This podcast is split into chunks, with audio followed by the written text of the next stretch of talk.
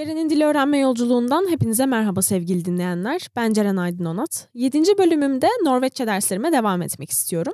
Yine günlük hayatta oldukça kullandığımız kelime ve cümleler paylaşacağım sizlerle. Aynı zamanda podcast'ın açıklama kısmında da e, bu yeni kelime ve cümleleri paylaştık. Açıklama kısmını takip edip beni dinlerseniz daha kolay ve öğretici olur diye düşünüyorum. Hemen terimlerimize geçelim. En son Norveççe dersimde hatırlıyorsanız kadın ve adam kelimelerini paylaşmıştım sizlerle. Bunlarla cümleler kurmuştuk. E, kvinne kadın demek demekti. Man erkek demekti. Paylaşmak istediğim önemli iki kelime daha var sizlerle. Yente ve güt kelimeleri. Yente kelimesini kız çocukları için, güt kelimesini de erkek çocukları için kullanıyoruz. Ee, ve biz kullandığımız kelimelerin sonuna e ve n harflerini getirirsek bu İngilizce'de kullandığımız the kelimesi anlamına gelir Norveççe'de.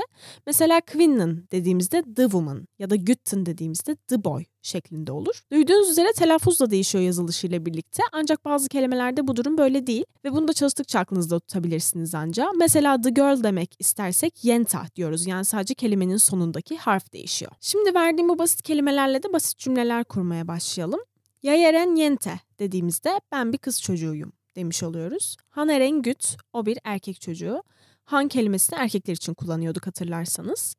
Hün haren yente dediğimizde o bir kız çocuğuna sahip. Kadınlar için de hün kelimesini kullanıyorduk hatırlıyorsanız. Yay herengüt, benim bir erkek çocuğum var. En kelimesi de bir anlamına gelirdi. Hanar gütten dediğimizde İngilizce tabirle he's the boy anlamına geliyor. Yani bahsettiğim gibi kelime sonuna getirdiğimiz e ve n harfleriyle the kelimesini yaratmış oluyoruz. Yente kelimesi için baktığımızda ise hüner yenta dersek she is the girl demiş oluyoruz. Günlük hayatta çok kullandığımız başka bir kelime paylaşmak istiyorum sizlerle. Bu kelime söylemek kelimesi. Bunun da Norveççe'de karşılığı sier kelimesi ve kommer kelimesi var. Kommer kelimesi de gelmek anlamına gelir. Bunlar günlük hayatta oldukça lazım olan kelimeler bize. Mesela yay kommer dediğimizde ben geliyorum. Yay siyer, ben söylüyorum. Yay kommer no dediğimizde şimdi geliyorum demek. No kelimesi de şimdi anlamına gelir Norveççe'de. Man siyer, adam söylüyor demek. Hün kommer, kadınlar için hün diyorduk. Kadınlar için o geliyor anlamına gelir. Gütten siyer, yani the boy is saying İngilizce tabiriyle. Erkek çocuğu söylüyor demek yani. Mesela snakker kelimesi de konuşmak anlamına gelir ve bu vesileyle en çok kullanılan kalıplardan birini paylaşayım sizlerle.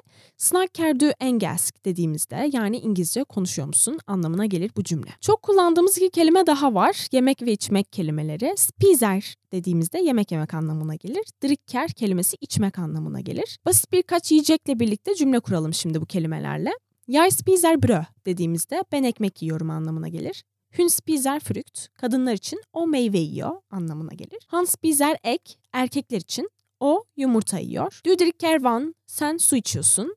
Kat spiser şöt, kedi et yiyor demek. Katten dediğimizde ise mesela e ve n harflerini getirdik yine the cat oluyor. Katten spiser şöt dediğimizde the cat is eating meat anlamına gelir. Mesela katten drikker van dediğimizde de the cat is drinking water yani kedi su içiyor anlamına gelir. Son olarak da birkaç tane kalıp kelime paylaşarak e, yavaştan programı sonlandırmak istiyorum. Varşasnil kelimesi var. Çok fazla kullanıyoruz bu kelimeyi. Yazılışını da açıklamadan bakabilirsiniz.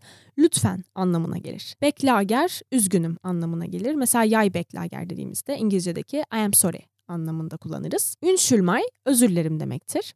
Higli kelimesini güzel, iyi anlamlarında kullanırız. Perfect kelimesi de mükemmel anlamına gelir. Norveçlilerle iletişim kurmak istiyorsanız günlük hayatta bu kalıpları oldukça fazla kullanabilirsiniz. Bu programımı da böylece ben kapatmak istiyorum burada. Umarım keyif almışsınızdır beni dinlerken. O zaman ha en finda yani iyi günler diliyorum sizlere. Görüşmek dileğiyle.